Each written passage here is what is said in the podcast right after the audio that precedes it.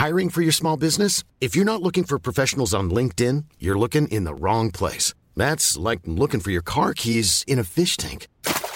LinkedIn helps you hire professionals you can't find anywhere else, even those who aren't actively searching for a new job but might be open to the perfect role. In a given month, over 70% of LinkedIn users don't even visit other leading job sites. So start looking in the right place. With LinkedIn, you can hire professionals like a professional. Post your free job on linkedin.com slash people today.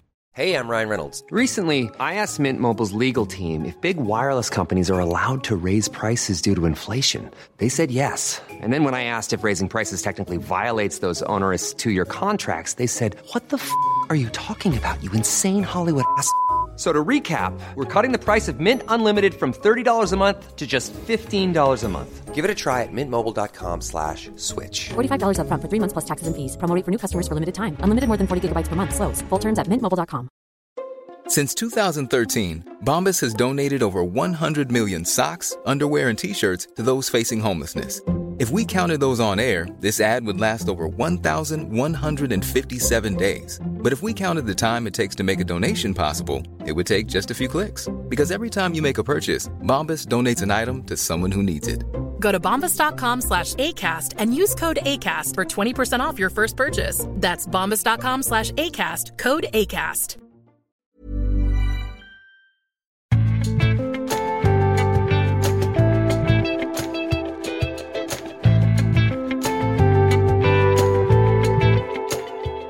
Denne ukens eh, episode av eh, Tore og Tarjei spilles inn et par dager før eh, Kristelig Folkepartis landsmøte.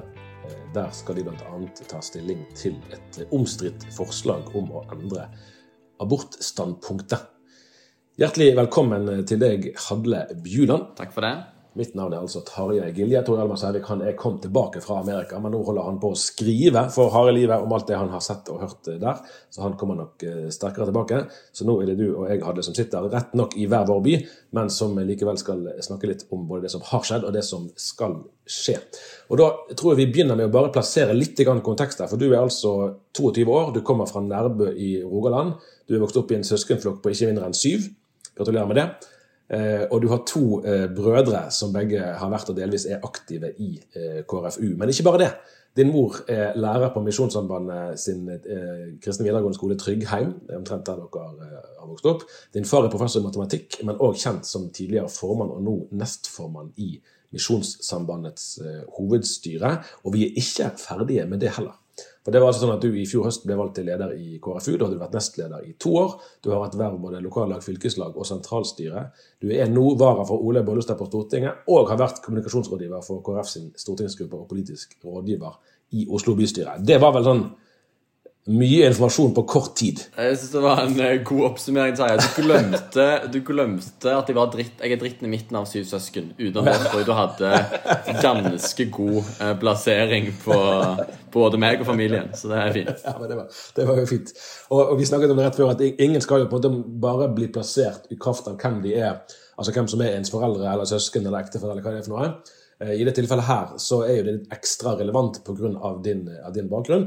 Eh, og noe av, av, utgangspunktet før dette landsmøtet er jo altså at du for et par uker siden eh, sa offentlig at du ønsker at eh, KrFU skal endre, eh, endre holdningen til, til eh, selvbestemt abort. Og det er jo for så vidt eh, det er jo ikke milevis ifra det som har vært sagt tidligere, òg, nemlig at der striden står nå, er ikke ved uke 12, som er dagens lov, men det er ved uke 18 og lenger. Eh, og, da, og da at KrFU ønsker å legge dagens lovgivning til grunn, og så da å bruke kreftene sine på å, eh, å kjempe mot de uønskede endringene som går eh, seinere i, i svangerskapet. Du regnet vel med, går ut fra, at det ville komme reaksjoner når dette utspillet kom. Så godt kjenner du partiet. Eh, hva har overrasket deg mest av de reaksjonene som faktisk eh, kom? Altså, Jeg visste nok at det kom til å komme reaksjoner. Eh, og så var jeg nok litt us usikker på hvor mye reaksjoner, og hvordan det ville på en måte bli blåst opp. fordi eh, KrFU har jo hatt denne diskusjonen i egentlig annethvert landsmøte. Så har vi alltid en diskusjon om abortloven. Og det tror jeg er bra, fordi at da lærer vi å diskutere disse spørsmålene på en god måte. Eh, I tillegg så har jo KrFU både vært for og mot selvbestemt abort før. Sånn at det har ikke vært egentlig, Det er ikke noe sånn dramatikk egentlig i denne diskusjonen. Eh, og så er jo kanskje det nye da at jeg som tidligere har vært pådriver for å eh, holde på den formuleringen som vi har i dagens program, har nå eh, endra standpunkt og har vært ærlige på det. Eh, og mener nå det er riktig heller å på en måte avfinne seg med dagens lov og heller ta og sørge for hvordan skal vi få ned aborttallet ut fra den situasjonen vi er i, og det lovverket som allerede i dag ligger. For Det er, et viktig, er jo et viktig poeng som du sier, at KrFU har, har hatt litt forskjellige standpunkter. og Det har liksom vekslet litt fra landsmøte til landsmøte de siste årene. Eh, og det var vel, tror jeg, en del som ble overrasket når du, da, med din misjonssambandsbakgrunn f.eks., eh, inntar et standpunkt som kanskje noen vil forbinde mer med altså teologisk sett mer liberale utgangspunkt. Da. Eh, hva er det som har, eh, som har, ført til endringen hos deg? Ja, jeg, jeg tror det er liksom litt svaret på reaksjonene. fordi at jeg tror det er litt sånn, Folk hører meg litt ulikt. Eh, og det er jo min utfordring, at jeg er nødt til å være veldig tydelig i hva det er jeg på en måte mener. Men, men, eh, jeg har ikke endret noe syn på hvor jeg, i mitt prinsipielle syn på abort. Jeg er, eh, som jeg har sagt i alle intervjuer, at mitt engasjement for å engasjere meg i politikken var jo nettopp kampen for det ufødte liv og, eh, og de viktige verdispørsmålene som jeg mener vi står i, i, i samfunnsdebatten, som jeg mener er helt sentrale at KrF skal ta. Sånn at Og jeg er fortsatt prinsipielt mot abort. Mener at livet starter med unnfangelsen, og mener det prinsippet skal fortsatt KrF ha i sin politikk. og så, så det er en felles enighet om at vi har en felles kamp mot, nei, for, for det ufødte liv. Men så handler det om hva slags verktøy er det vi skal bruke for å komme til det målet. Og Det er jo der jeg har endra standpunkt. Um, og, og, det handler ikke om at jeg uh, at jeg er blitt for abort, men det handler om at jeg erkjenner at jeg ser ikke noe samfunn um, der det kan et samfunn som fungerer uten at det fins en eller annen abortlov som regulerer det på et eller annet vis. Og så vil alltid abort være et etisk dilemma, for det vil være ulike hensyn som skal vektlegges. Uh, og jeg sier jo alltid det at abort er to liv. Det handler om fosteret, det handler om kvinnesituasjon. Og da vil det måtte være en lov som må finne et kompromiss mellom de partene som aldri vil være helt perfekt. Eh, og Det er derfor jeg sier at med mitt menneskesyn så er det en rekke etiske dilemmaer å støtte dagens abortlov. Um, uh, eller jeg vil ikke si jeg støtter, jeg vil si jeg avfinner meg med han, at jeg aksepterer at han ligger da. Um, jeg syns det er en rekke etiske dilemmaer med det. Uh, men, men, jeg erkjenner likevel at som politiker så, så, mener jeg at det lovverket må ligge på et eller annet vis. Men at jeg heller vil kjempe mot paragraf 2c, for det vet jeg at de faktisk kan gjøre noe med. Bare Si hva paragraf 2c handler om. Ja, Paragraf 2c er jo den som har blitt omtalt som Downs-paragrafen, som er den paragrafen som gir eh, rett til å ta eh, abort etter uke 12 eh, basert på egenskaper eller kromosomavvik eller, eh, eller diagnoser, da, eh, som jeg mener er direkte diskriminerende eh, for enkelte mennesker. Så, så, det er en paragraf som vi burde vært fjerna, og vi mener òg at vi må hindre en utvidelse. Men problemet med, med, altså, problemet med dagens formulering til KrF er at vi sier hele veien at vi ønsker en ny lov, men vi peker ikke på hva slags lov eller hva slags alternativ det er. Og det er jo fordi at eh, partiet er delt, og fordi at vi ikke heller har et godt nok alternativ. fordi vi vet ikke hvordan et sånt lovverk skal se ut. Og det er da jeg sier at da må vi heller eh, legge på en måte den abort eh, Eller den lovdebatten eh, liksom ferdig, og tenke at vi får heller akseptere det som allerede ligger. Og så må vi heller nå kjempe mot aborter på andre måter. Og det er jo òg de måtene vi vet er mest effektive for å få ned aborttallene. Altså I dag så er aborttallene rekordlage. De er på 11 000. De har vel gått ned 4000 de siste fem åra. Og det er jo fordi at KrF har sørga for langtidsvirkende eh, gratis langtidsvirkende prevensjon for de under 24 år. Vi har dobla engangsstønaden. Vi har sikkert gode støtteordninger for, for familiens ventebarn med annerledes behov.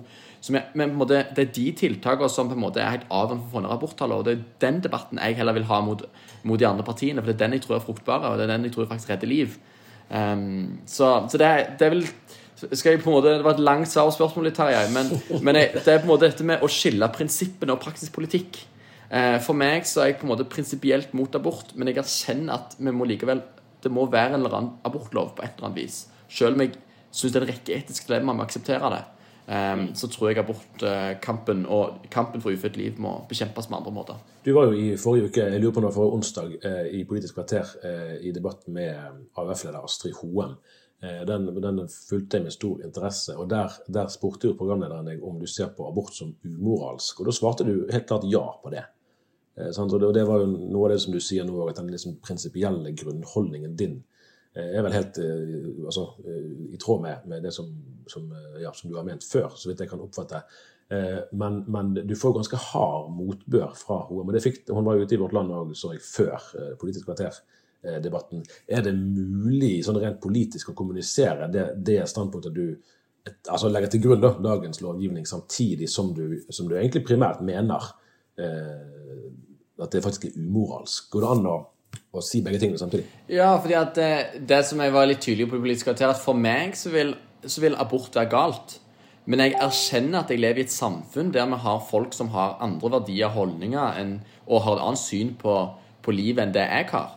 Og jeg må akseptere at det skjer abort av dette i, i, samfunnet og i Norge. Om jeg liker det eller ikke. Eh, så, så, på en måte, det det er realiteten av det. Eh, og så handler det om at jeg skal akseptere de realitetene og finne ut hvordan skal vi på en måte bruke politikken som et redskap for å redde flest mulig liv. Eh, sånn at eh, for meg så vil abort være galt, men jeg må likevel akseptere den situasjonen som jeg befinner meg i. Og det er at folk har andre verdier og holdninger enn meg. Og KrF skal også ha politikk for de. For vi skal ha en helhetlig politikk, ikke bare for de som er enige med meg. Og det har nok vært en sånn en Det tror jeg òg liksom fører seg inn i en rekke av liksom, hva er KrF? Fordi Noen vil nok tenke at KrF skal være liksom et moralsk kompass eller en moralsk mm. pekefinger som skal være den som skal være rettesnor for hvordan folk skal leve livet sine. Det, det, det, er ikke et politisk parti. Det er ikke KrF, et kristendemokratisk parti. Eh, er ikke vår oppgave. Vi skal først og fremst lage politikk for både de vi er enige med og uenige med. Og så har vi et verdigrunnlag som er henta fra Bibelen, som jeg er fryktelig stolt over, og som jeg mener vi skal holde fast på. Men, men det er først og fremst som, eh, som rett, altså på en måte grunnlegger for de, den politiske løsningene vi har. Men det skal ikke være noe moralsk kompass. Um, og det er òg mange i denne debatten som på en måte tar til orde for at vi skal liksom innta omtrent holdninger og meninger for samfunnsdebatten sin skyld. Um, og det er, også, det er ikke heller KrF sin oppgave. Er, vi skal flytte, politikk. Vi skal, uh, vi skal, påvirke politikk. Det er vår, vår oppgave. og det Derfor så tror jeg denne debatten har også vært fruktbar for den, den, skyld. At vi liksom har fått en diskusjon om hva skal KrF være. Nettopp det. For, for, det er vel, har jeg tenkt for meg fall, at det er akkurat det som er noe av, av nerven i debatten. At en del har en forventning om at KrF skal skal være et parti som på en måte ikke bare eksisterer for å få politisk gjennomslag, men for å markere noen, noen verdier og noen holdninger eh, i samfunnet. Jeg tenker ofte tilbake på, Jeg var intervjuet eh, eh, Kjell Magne Bondevik et par dager før han gikk av som statsminister i 2005. Eh, og, da, og, da, tror jeg han hadde litt behov for, for det som komme med noe Det var jo til dagen, da, med noen litt sånn moralske formaninger om jeg husker Han sa at om det var saken eller retorikken som sto i fokus, altså om det viktigste er å, markere primærstandpunktet, Eh, eller om det viktigste er å få gjennomslag så langt som det er mulig. Og Det er jo på en måte akkurat den eh, spenningen vi står i her. Vi vet at, at abort, holdningen til selvbestemt abort uke tolv er av de sakene i, landet som det er aller mest enighet om. Det er et, et uh, solid, uh, nesten enstemmighet i befolkningen, viser valgforskningen for det. Eh, mens, mens, det fra KrF sin del har vært helt fundamentalt at det er, der er man i, dypt uenige. og da Eh, er avveiningen eh, om man skal, eh, skal være pragmatiske eller prinsipielle. Og Noe av det som jeg har lurt en del på gjennom årene, er jo på en måte hvor stor generasjonsdimensjon er her. Altså, sant? Du er født i år 2000. Da var abortloven hadde vært der lenge allerede, i over 20 år. Og er på, du har ikke vokst opp med noen forventninger ut fra om, om, at den egentlig ville kunne endres i restriktiv retning. da. Eh, i overskuelig fremtid. Hvor mye tror du den eh, horisonten eh, preger eh, tenkningen? Jeg tror absolutt det har ganske mye å si. fordi at vår, min generasjon har ikke et forhold til abortkampen på 70-80-tallet. På samme måte som min foreldregenerasjon og besteforeldregenerasjon har. I en helt annen grad. Så jeg tror nok at det, og Derfor så er jeg liksom veldig tydelig på at vi må være litt ydmyke i møte med denne debatten. fordi at jeg tror folk har litt ulik inngang til den vi har litt ulike referanser når vi snakker om abort og snakker om abortpolitikk. Eh, der eh, kampen mot selvbestemt abort har eh, med, For oss så har vi vokst opp med dagens lov og på en måte har lært oss å avfinne oss med den. Mens min foreldregenerasjon og besteforeldregenerasjon har på en måte vært opplært til å kjempe mot den, iallfall i kristne miljøer. da, Og den bakgrunnen som jeg har. Så, så, så, jeg tror du må ha en ydmykhet og respekt òg for at folk som er uenige med deg, de, Eh, de ser det på en annen måte enn det du gjør, og det, det skal jeg være den første til å innrømme. Eh, men jeg mener kanskje det må aldri på en måte ta ifra oss på en måte diskusjonen om at vi må kunne se det i et nytt lys. For nå befinner vi oss i en annen situasjon enn vi gjorde på 70-80-tallet òg. Nå, er det, nå er det andre realiteter. Samfunnet har endra seg. Og eh, utfordringene i samfunnet har òg endra seg. Og da handler det om hvordan skal et politisk parti navigere seg i den situasjonen. Og jeg, jeg på en måte firer jo ikke på etikken her, eller på prinsippene. De mener jeg skal være krystallklare og egentlig bare være enda tydeligere enn det vi er i dag. Men den praktiske politikken i et politisk parti må alltid endre seg i det samfunnet vi lever i. Altså, det er jo en grunn for at vi har programbehandling hvert fjerde år. Det er jo fordi at vi ønsker en behandling av det politikken vår i tråd med det samfunnet vi lever i, for vi skal svare på de utfordringene som er i dag. Eh, og det er da jeg mener at eh, vi må våge å ta en diskusjon selv om, det, selv om det er krevende og vanskelig, og det er dype spørsmål om liv og død. Fordi, at, eh, fordi samfunnet endrer seg, og da må også våre verktøy og virkemiddel for å komme til det samme målet, det må endre seg. Og derfor så Derfor så tror jeg sånn i KrFU da, det er jo litt interessant, altså I KrFU så tror jeg at konfliktnivået er lavere. Nå blir det spennende å se til helga, men sånn som jeg ser det, så er konfliktnivået foreløpig ganske lavere enn det er eh, blant vår foreldregenerasjon. Og det er fordi jeg tror i KrFU så er, er, vi enige om at vi er like mye mot abort. Vi, vi har en felles kamp uh, mot, uh, nei, for ufødt liv, men det er verktøyene vi diskuterer her. Eh, vi må ikke på en måte gjøre politikken til noe større enn det heller. Mm. Men, men den samme valgforskningen som, som, viste det som jeg sa i sted om, om støtten til selvbestemt abort i befolkningen generelt, det viste jo òg at valget i 2017, og nå er det noen år siden, at da var det jeg tror det var 26% av KrF-velgerne eh, oppga å være for eh, selvbestemt abort. Eh, hvor stor del av debatten handler egentlig om det? At både unge og eldre egentlig har, har, er i ferd med å forlate noe av det prinsipielle, altså primærstandpunktet her? Altså, jeg tenker at jeg tror det er en felles enighet i KrF eh, om Og det som skiller oss ut, er jo at vi eh, Vårt DNA, da. Det er jo det som mange diskuterer. Hva er liksom partiets DNA? Um, ehm, jeg mener partiets DNA er kampen for ufødt liv. Det er ikke kampen mot selvbestemt abort. Uh, altså Det er målet i enden, det som vi vil vi skal oppnå til slutt, som er DNA til partiet. Men virkemidlene de må jo endre seg. Sånn at eh, jeg tror at partiet kan samle seg rundt den felles visjonen. Og det er ingen andre partier som er så offensive på å redusere aborttallene, og som har det prinsippet om menneskets ukrenkelige verdi som starter fra unnfangelsen til naturlig død, og som på en måte er rettesnor i hele politikken vår. Det, det, det, det legger vi til grunn for politikk, og der skiller vi oss ut. Og det er ingen som har tatt til orde for på en måte å ikke være tydelige på det. Men det er jo den praktiske politikken. og For min del så ble det ganske tydelig til høst, da når eh, det var valg Eh, og som du husker godt, Tarjei, var, eh, abort var på agendaen hele mm. debatt, valgkampen. Egentlig ganske bra for KrF å kunne mark markedsføre seg som å være tydelig i den saken. Men så klarte vi ikke å på en måte spille den ballen til vår fordel. fordi at vi ble veldig utydelige og usikre egentlig på vårt standpunkt. Eh, fordi at vi hadde ikke et klart alternativ til dagens lov. Og vi fikk alltid spørsmål om ja eller nei til selvbestemt abort. og Programformuleringen vår gir jo egentlig ikke svar på det. Eh, og vi ble egentlig satt på sidelinja av hele debatten. Der jeg opplevde Høyre kunne gå mye lenger i når det handler om, eh, om uke 22 og utvide loven, så kunne de snakke om å ta liv i det ene rommet og redde liv i det andre rommet. Vi kunne ikke bruke en sånn retorikk eller være så tydelige. fordi at vi, var, vi, hadde ikke, vi hadde ikke tatt den diskusjonen. Vi hadde ikke en tydelig politikk på, på, på området. Så det er jo det jeg på en måte også liksom er liksom ærlig på. at Her må stikke fingeren i jorda og på en måte våge å ta en beslutning, selv om det gjør litt vondt. Eh, fordi at eh, vi må ha tydeligere politikk på dette området. fordi at KrF skal være det partiet som er tydeligst i alle abortdebatter for ufødt liv. Eh, og da må vi og da må vi òg beslutte hva er det vi ønsker å gjøre med abortloven. Du har sikkert lurt på sjøl altså for Jeg har tenkt på det samme som du har vært innom. Jeg husker til og med når altså Knut Arild Hareide som partileder var hos Sigrid Solund i Politisk kvarter før ja, det må ha vært valget i 2013 eller 2015, kanskje det, og, og ble spurt hva er det KrF er for.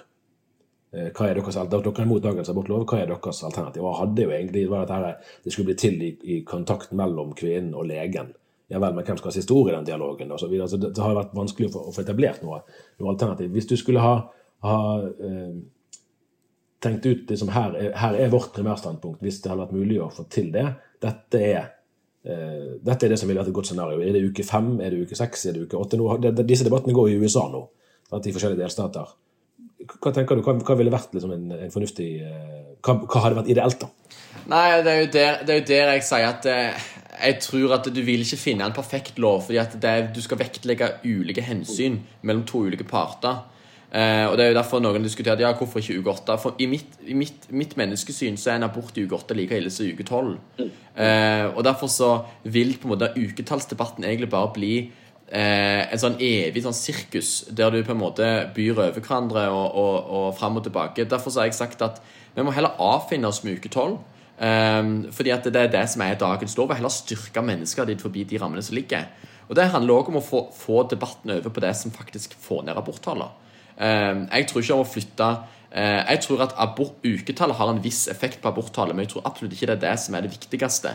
Jeg tror det absolutt viktigste, det viser all forskning, er jo at er jo og, og abortforebyggende tiltak altså, og holdningsskapning. Det er det som på en måte gjør noe med eh, aborttallet. Altså, du ser i Europa det finnes liberale land med liberale lover som har lave aborttall, og det finnes restriktive land som har høye aborttall.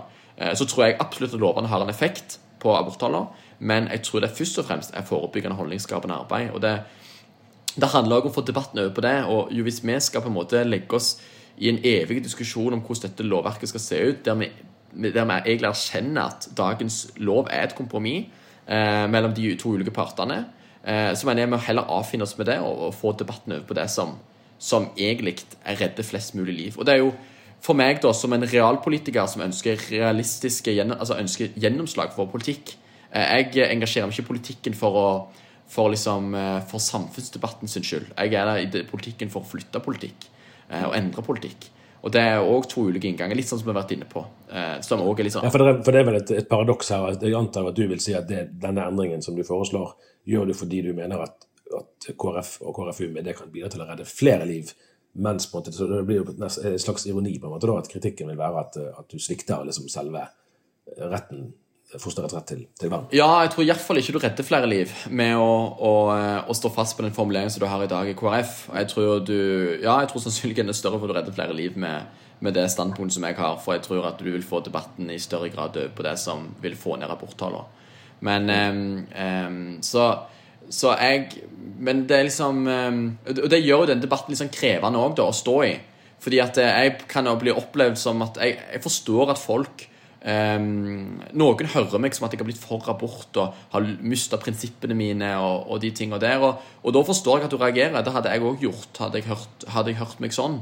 Men, men, uh, men, jeg mener at måte prinsippene og idealene de ligger fast. Men det handler jo på en måte en sånn en realitetsorientering uh, over at hva skal være en politikkens oppgave. Og så er jo jeg glad vi har sånn menneskeverd, eh, som lufter den prinsipielle debatten. Uh, og som lufter prinsippene i en sånn eh, diskusjon. Så vi trenger de aktørene òg i, i, denne debatten. Men vi kan ikke sammen, altså, KrF er et politisk parti. Mennesker er en interesseorganisasjon. Og det å skjønne de ulike grenseoppgangene òg, og forstå hva slags rolle har vi, um, det er, er, ganske sentralt inn i den diskusjonen. Og det er jo kanskje ikke helt som er opplagt for alle heller, at den grensedragningen der er like for, for det, Og det er jo, kan du spørre i neste runde, hvis man hvis man har som mål å endre eh, befolkningens holdning til, til eh, altså fosterets status, eh, hva ville du sjøl tenkt? Hva, hva er, for det er jo ikke gitt at det er partipolitikken som er det mest Det kan jo være, men det er ikke gitt at det er det som er den mest effektive arenaen for en sånn holdningsendring. Hvor tror du at en sånn Er det gjennom kunst, litteratur, aktivisme? Hvor er, det, hvor er det, mulig å, å, trykke på noen knapper for å, for å endre tenkningen der? Altså, Jeg har alltid Jeg engasjert meg i politikken som jeg sa kampen for ufødt liv, og som kampen for verdispørsmål som jeg mener er viktige i, i, uh, i, Norge, og som på en måte vi trenger et KrF som, som står opp for. Det, eh, så jeg har alltid ment politikken har vært det viktigste redskap, eller det beste redskapet for å gjøre det på. Eh, fordi at her kan du sette inn tiltak, f.eks. med de tiltakene som jeg har vært inne på, med gratis prevensjon og eh, øke doble engangsstønad og de tiltakene som, som, er viktige for å redusere aborttallene. Men, men, jeg tror at det er jo på en måte summen av at du har et politisk parti som flytter politikk, summen av at du har menneskeverd som en interesseorganisasjon som lufter den politiske debatten, summen av at du har en aktivisme eh, for, for, eh, for eh, livets eh, start og og fosterets eh, og kampen for ufødt liv. Jeg tror det er summen av alle de instansene som vil være med å få ned aborttallene. Um, men, um, men, jeg tror ikke det er et, jeg tror ikke at et KrF som stiller seg på utsida av abortdebatten, på en måte er, er svar i den, i, den, i den, kampen der. Det, det, er heller et KrF som, som er realitetsorientert, og som vil flytte politikken. Når jeg eh, lyttet til eh, debatten mellom deg og Astrid Hoem igjen da, i Politisk kvarter, så så var det en eh, altså En ting er jo at hun, hun har jo hatt behov for å liksom, ja, Det er vel for å si det til at KrFU eh, gir inntrykk av at de eh, endrer seg her, men egentlig endrer de seg ikke så veldig. Det er vel noe sånt. Eh, og så, men så ble det jo tydelig i den debatten, sånn som det har vært egentlig i denne debatten i flere tiår, at synet på fosterets egenverdi er ganske fundamentalt forskjellig. For man ville jo med altså vanlig liksom, venstresideretorikk si at, at eh, Arbeiderpartiet her eller AUF opptrer eh, fundamentalt usolidarisk eh, ved at man legger all vekt på, på måte, den gravides interesser og behov. eh, Lite egentlig på fosterets rettigheter, som jo må kunne sies å være den aller svakeste parten. Hvordan, hvordan oppfatter du selve grunnforståelsen av realiteten her? Og, og sjøl for din egen del, har du endret din tenkning om den gravides rettigheter og behov? Nei, altså eh, For å svare på det siste først, så, har jeg aldri liksom, Jeg har alltid vært opptatt av at Eller hatt en erkjennelse av at eh, på en måte, en abort handler om to liv. Eh, det handler om både kvinners situasjon, men det handler òg om fosteret og, og fosterets rettsvern. Og det må være, en, må være et lovverk som har et kompromiss mellom de ulike partene. Eh, og så eh, eh, vil jeg si at jeg erkjenner jo at eh, Eller som, som, som du sier, så er du litt inne på dette med politisk kvarter. Så, så vil jeg si at det, det viser jo eh, ganske tydelig hvordan, hvor AUF står i denne debatten. Fordi eh, Astrid bekrefter meg egentlig ikke på at du er enig i at dette er to liv. Um, på tross av at i dag vet vi mye mer om fosterets utvikling enn vi gjorde for når, eh, når abortloven ble innført. Vi, vi vet mye mer om altså Før så snakket de om abort som, eller fosteret som en celleklump og erkjente ikke at det var et liv. I dag så tror jeg de fleste vil være med på at det er et liv. Um, og, det, og som har krav på en viss form for rettsvern uansett. Uh, og så er vi uenige om hvor den grensen skal gå. Um, men eh, når du hører Astrid i dag, så, nei, i Politisk kvarter, så virker det ikke som at hun har noen tydelige grenser for når eventuelt du kan sette grenser. Hun utelukka ikke at du kunne utvide utover uke 18, f.eks. til uke 22, og videre for det òg. Så du risikerer jo at du har en abortlov som, som, som gir fri abort fram til du kan redde liv. Eh, og det er veldig problematisk, og en rekke etiske dilemmaer som vi alltid vil være veldig, veldig imot. Så, så jeg ehm, jeg, eh, men det er kanskje ikke noe nytt at AUF står i den diskusjonen. Eller de har jo på en måte absolutt flytta seg i mer liberal retning de siste åra. Men, ehm, men de grunnleggende synet, der står jo KrFU og AUF milevis fra hverandre. Eh, Tenker du at det hadde vært for, eh, hadde vært for eh, altså Er det ting du sjøl har sagt, eller partiet har sagt, som du tenker at her har de vært for, eh, for harde?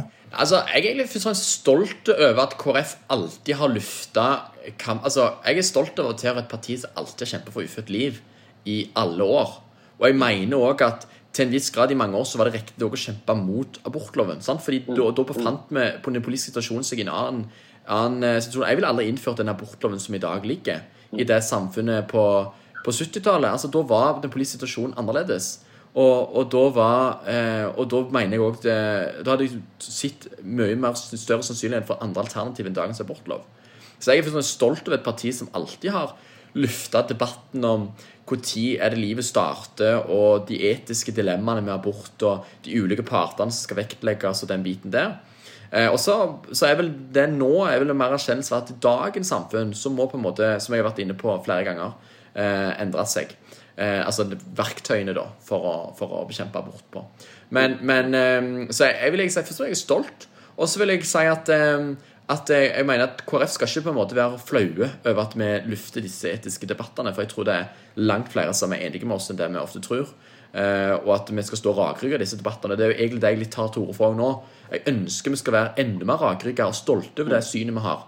Men det innebærer at vi må være klar over hvem vi er for og hvem vi er mot. Har du, eh, har du tenkt på noe eh, altså ambisjonsnivå? Eh, altså, hvis vi legger til grunn at du får flertall for dette, og at det blir eh, KrF og sin politikk eh, etter hvert, eh, sånn at da er på en måte det politiske eh, satsingen handler ikke om å oppheve dagens lov, men om å få ned aborttallene så mye som mulig. Hva kan man se for seg? 10% 20% 30% Her er det jo antall liv som kan, kan reddes, da, hvis man har denne forståelsen. Jeg håper jo at vi kan, eh, at vi kan redusere aborttallene med 40% innen 2035. Ja. og mener at vi skal ha en ganske offensiv plan på det. Og det kommer vi til å diskutere nå inn mot landsmøtet. Eh, både i det politiske programmet vårt og, og, og det arbeidet som blir gjort. Da handler det om konkrete tiltak eh, som handler om gradsprevensjon, handler om eh, hvordan kan vi få til etisk refleksjon og diskusjon allerede tidlig i skolealder knyttet til holdningsskapende arbeid. Eh, altså, jeg tror at det er mye eh, Altså, vi har gjort vanvittig mye der allerede, og det er jo det som er grunnen til at aborttallet går ned. Men så mener jeg at vi alltid skal være opptatt av at det aborttallet skal bare bli lavere og lavere. Eh, og, og der eh, skal vi være KrF og KrFU skal være fremst i stolen på å utvikle nye politikk og nye løsninger for å nettopp klare å komme nærmere det målet. Og Hvordan vurderer du altså, den politiske gjennomslagsmuligheten for de f.eks. 40% innen 2035? Nei, altså jeg vil si at eh, når vi satt i regjering, så klarte vi å få på plass en strategi for å redusere uønska graviditeter, som òg har veldig mange av disse elementene med seg. Eh, sånn at det, det er blitt gjort en hel del som på en måte KrF har fått til gjennomslag for regjering. Og det er i stor grad mange av partiene som er enige med oss, at de ønsker å være med å få ned aborttallene. Og så er det veldig få som er like opptatt av det som oss. Fordi ja. vi har nok, en annen, vi har nok andre prinsipper og idealer som ligger til bånn for vår politikk, og som er også motivasjonen vår for å få ned aborttallene. Um, så det gjør nok at vi prioriterer det når budsjettet kommer, i større grad enn mange av de andre partiene. Um, så, men, men uh, jeg tror absolutt det er mulig å få med de andre partiene på hvordan vi kan få, få ned aborttallene med, med de rette virkemidlene. da. Det får vi si var det vi rakk i denne omgang. Eh, det blir spennende å se hva som skjer til helgen. Godt landsmøte, Hedle Bjuland. Takk for at du var med. Takk for det. Kjekt å være innom.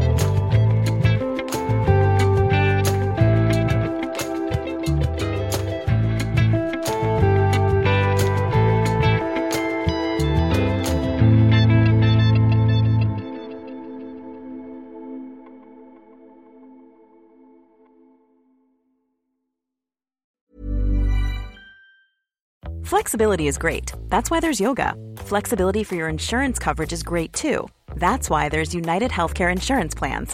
Underwritten by Golden Rule Insurance Company, United Healthcare Insurance Plans offer flexible, budget friendly coverage for medical, vision, dental, and more.